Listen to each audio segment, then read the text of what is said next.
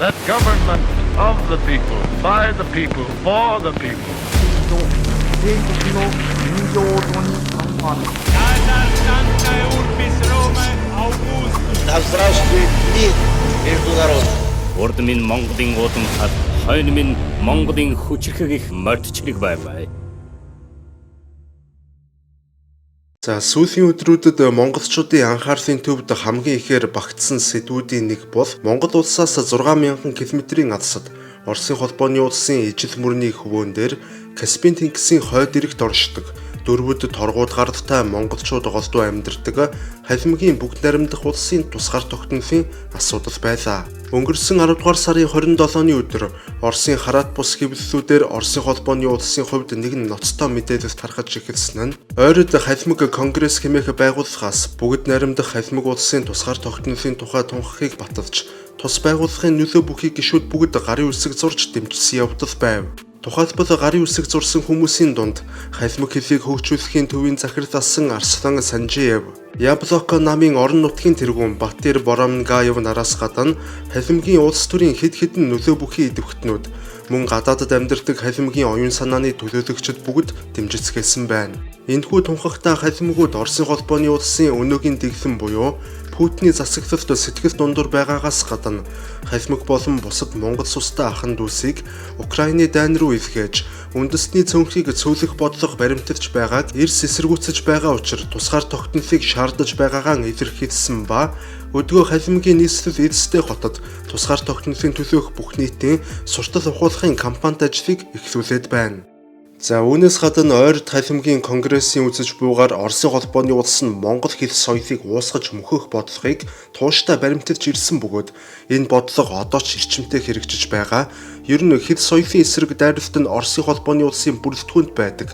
Зөвхөн Монгол үндэстний өмнө тулгараад байгаа сорилт биш бөгөөд яг өнөөгийн байдлаар Оросын холбооны улсын нутагт нийт 21 бүгд найрамдах улсууд оршин тогтнож тэднийг хүчээр нэгтгэж байгаа бөгөөд тэдгээр бүх үндэстнүүдийн өмнө үүсэт буй үндэстний цөөнхийн эсрэг гэмт хэрэг соёлын довтолгоо хэмээн үзэж байгаа юм. Мөн үүгээр тогтохгүй Яблоко намын дарга Батэр Боромангаев хэлэхдээ Оросын холбооны улс нь үеийн үед халимаг төмнийг дарлаж мүдчиж хүн амыг нь цөөлөх бодлого баримталсаар ирсэн бөгөөд хамгийн сүүлгийхэд дэлхийн 2 дугаар дайнаар тусгаар тогтнолын төлөөх сонголтоо хийсэн халимаг төмнийг дайны дараагаар их геноцидд өрнүүлэн хүн амынх нь 60%-ийг устгаж зөвлөлт холбоотуулсан хүн төрлөختний эсрэг угсаатан зөв эсрэг аимшигтай гэмт хэрэг хийснийг бид мартаагүй. 20 дугаар зуунд халимгуудын эсрэг хийсэн их устгал нь бидний генд шингэсэн байдаг хэмээн хэлсэн байна. За хэдийгээр халимаг ойрдууд тусгаар тогтнолыг хүсэж байгаа түүнийхэн төлөө тэмцэж эхлээд буй боловч халимгууд тусгаар тогтно гэдэг нь нэлээд хүндрэлтэй юм а. Нэгдүгээр асуудал гэвэл мэдээч хүн амын тоо.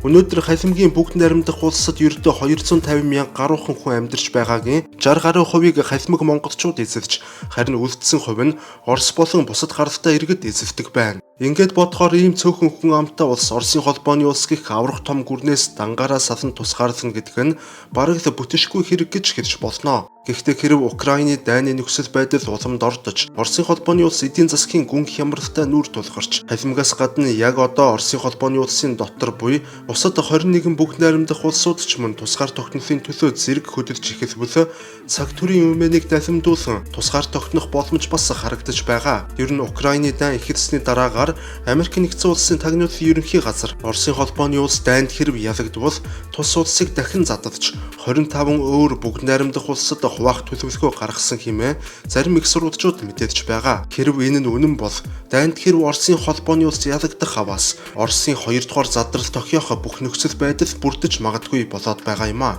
За тэгэхээр халимаг монголчууд тусгаар тогтноход хүндрэлтэй дараачин чухал асуудал бол мэдээч газар нутгийн асуудал. Энэ талаар ярихын тулд өнгөрсөн түүхийг сөхөхөөсөөр аргагүй. Та бүхний зарим нь энэ талаар сайн мэдэж байгаа байх. Гэхдээ бас мэдэхгүй хүмүүст зөв мэдээлэл өгөх хэрэгтэй.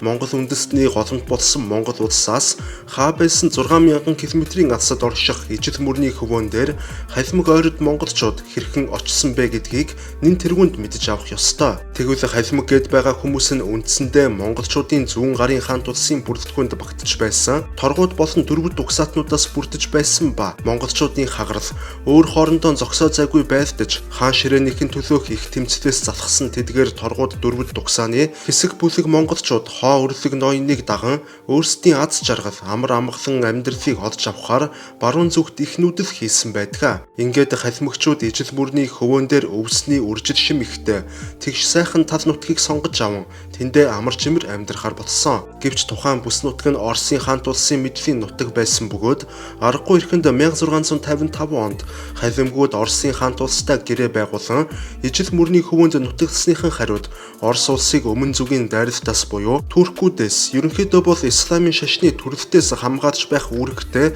цэргийн гол холбоотон болон хувирсан байдаг. Гэхдээ тухайн үед агуу их Чингис хааны үр сад болсон халимгууд Оросын нөлөөнд байж байдаг жирийн нэгэн жижиг улс үндэстэн байсангүй. Халимгуудын дайчин чанарыг ашиглан Оросын хаад үеийн үед өөрсдийн хийж буй бүхий дайн тулаануудаа тэргүй игнэнд нь ашигласаар ирсэн бөгөөд энэ түүх өнөөдөр ч гэсэн үргэлжилсээр байгааг та бид бүгд харж байгаа. За тухайлбал 1681 онд Оросууд Башкирыг эзлэн авч хүчээр нэгтгэх их дайнд халимаг цэргийн хүчийг анх удаа ашиглан асар том ялалт байгуулсан байдаг. За энэ дайнд ерөнхийдөө Оросын тал халимаг монголчуудын байлдаж дайтах урлаг, эр зориг, бусадсан халуун цус зоригийг нь анзаарснаар ерөнхийдөө тулаан бүхний тэргүй гинэд давшилдаг болсон байгаа юм а. Улмаар 1710 онд Орос Туркийн дайнд мөн л халимгийн асар их цэргийн хүчийг дайчлан тулалдуулж мөн 1709 онд Санкт Петербург хот орчимд шведүүдтэй хийсэн томоохон тулаанд халимаг цэргүүд мөн л тэргүүлэх үүрэг гүйцэтгэж ялалтыг авчирсан байдаг. За үүний дараагаар Оросын зүгээс исламын шашинт персчүүдтэй хийж буй ойрох дорнодод эрх ашгаа нэмэгдүүлэхийн төлөөх дайнд мөн л халимаг цэргүүдийг урдаа барьж бүр 1786 онд Кавказыг Оросд нэгтгэх мөн тухайн онд болсон Кримийн хаант улсыг мөхөж Оростой нэгтгэх дайнд мөн л халимгуудыг хамгийн ихээр ашигласан түүхэн баримтууд байдаг. За ер нь халимаг цэргүүдийг дайсныхаа эсрэг ашигласан энэ бүх түүхэн баримтуудаас хамгийн алдартай нь гэвэл мэдээч 1810-аас 1814 оны хооронд үргэлжилсэн Францын Наполеон Бонапартын эсрэг дайн гэж хэлж болно. Бүгд нэгэн ижил дүрмт хувцсаар жигдэрч бүрээгээ үлээ нэгэн зэрэг алхаж давших Франц цэргүүдийн өөдөөс ангийн арьс эртний хуйг дуулга өмсөж морь унаж гартаан сэхэн барьсан зэрлэг цэргүүд тал бүрээс нь ямар ч эмх замбраагүй дайны хуулийг огт сахиж мөрдөлгүй дайрч Франц цэргүүдийг маш хүнд байдалд оруулж байсан гэдгээ. Улмаар Наполеон Бонапарт хүртэл дайн бол дэг журамтай эмх цэгцтэй байх ёстой. Би энэ зэрлэг магчтаас болоод Францын агуайг сүрж авахлан Оросуудад мэдрүүлж чадахгүй байна хэмээн бухимдаж байсан баримт хүртэл байдаг. Ингээд мэдээч Оросын удирдлага доор халимаг цэргүүд Австрийн Вена хотыг эзлэн авч тэндээсээ цөөн тооны халимаг мортонгууд Францын Парис хот хүртэл давшиж Наполеон Бонапартыг буулгах тулаанд томоохон гавья байгуулсан байдаг. Халимгууд ийхүү их гавья байгуулсан тул Оросын 1-р Александр хаан Түндэв, Цэрэнжав, Жамиан, Цэвэгжав гэх мэтийн халимаг ноёдод асар их шан харамж олгож бүр Александр Сергеевич Пушкин хүртэл тал нутгийн нөхөр халимаг хэмээн өөрийн шүлгэнд онцгойлон тэмдэглэсэн удаатай. За энэ түүхээс чухам юуг өгүүлэх гээд байна гэхээр ижил мөрний айсав газар бол анхнаасаа халимгуудын нутаг байгаагүй бөгөөд тэд нүүдэлж ирсэн тул одоо байгаа газар нутгийг нь халимгуудад өгч тэднийг тусгаар тогтнуулна гэдэг бараг л бүтэшгүй хэрэг байж магадгүй болоод байгаа юм а. Гэхдээ их гүрнүүд хоорондоо тохиролцож чадвал боломжгүй зүйлийг ч болгож болдог олон жишээ байдаг. За тэгэхээр одоо саяхан ярьж байсан түүхэн сэдв рүүгээ эргээд орох хэрэгтэй болов уу?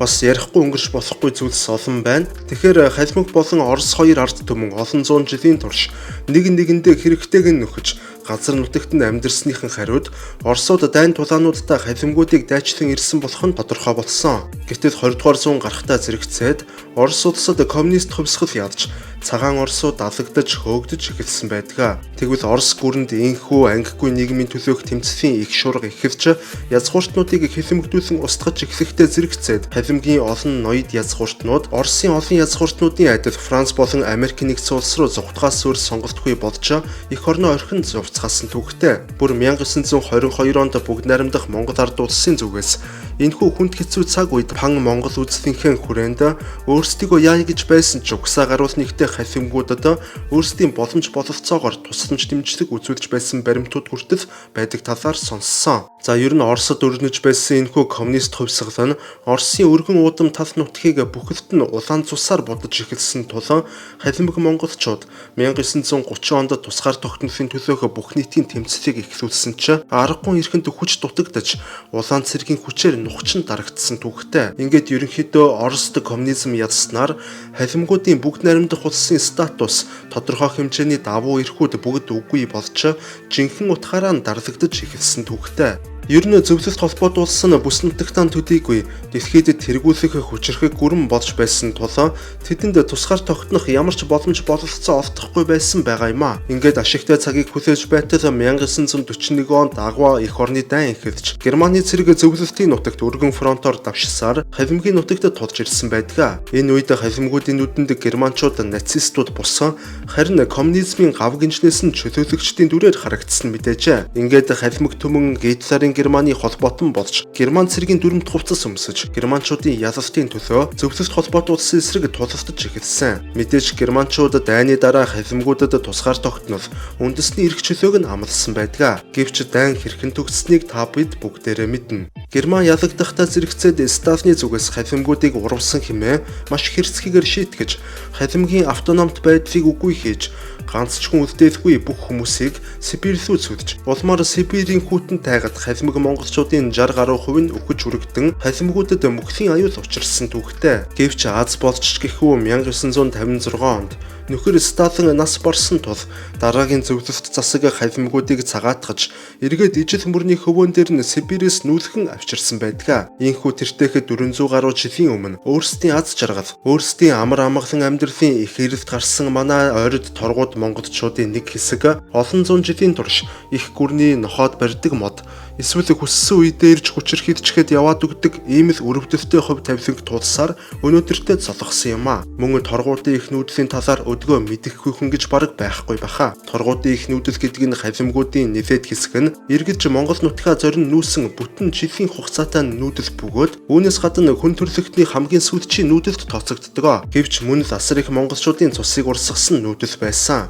Хэрв торгуудын их нүүдлийн талаар сонсохыг хүсвэл линкийг нь доор тавьчихъя. За өнгөрсөн баларсан улирч одсон түүхийн хувьд бол товчхондоо бол нэг иймэрхүү. За үүнээс гадна ерөнхийдөө өнөөгийн Оросын холбооны улсын бүрэлдэхүүнд байгаа 21 бүгд найрамдах улсуудын бараг дийлэнх нь Оросоос салан тусгаарлах үзэлтэй байдаг бөгөөд Украины дайн нь тэдний салан тусгаарлах үзлийг улам бүр даймжруулж өгсөн.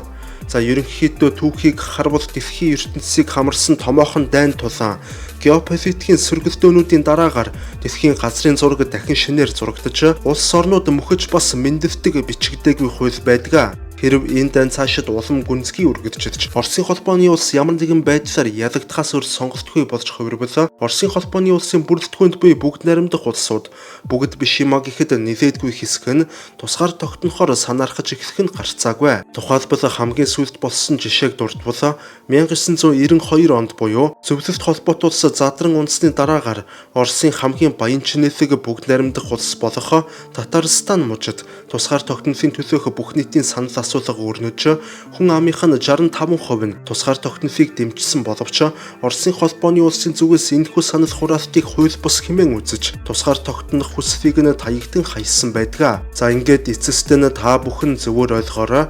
Миний хувьд Оросыг эсвэл Америк нэгдсэн улсыг үзэн ядаж эсвэл аль нэгийг нь хэтэрхий их дэмжиж байгаа зүйл бол энэ тогтоосоо байхгүй. Харин Монгол хүнийхээ хувьд Монгол угсаатнуудынхаа эрх ашигыг бодож байгаагаа нь бас зүйтэй байх. За ингээд дараагийн дугаараар иргэн улсатлаа түр баяртай.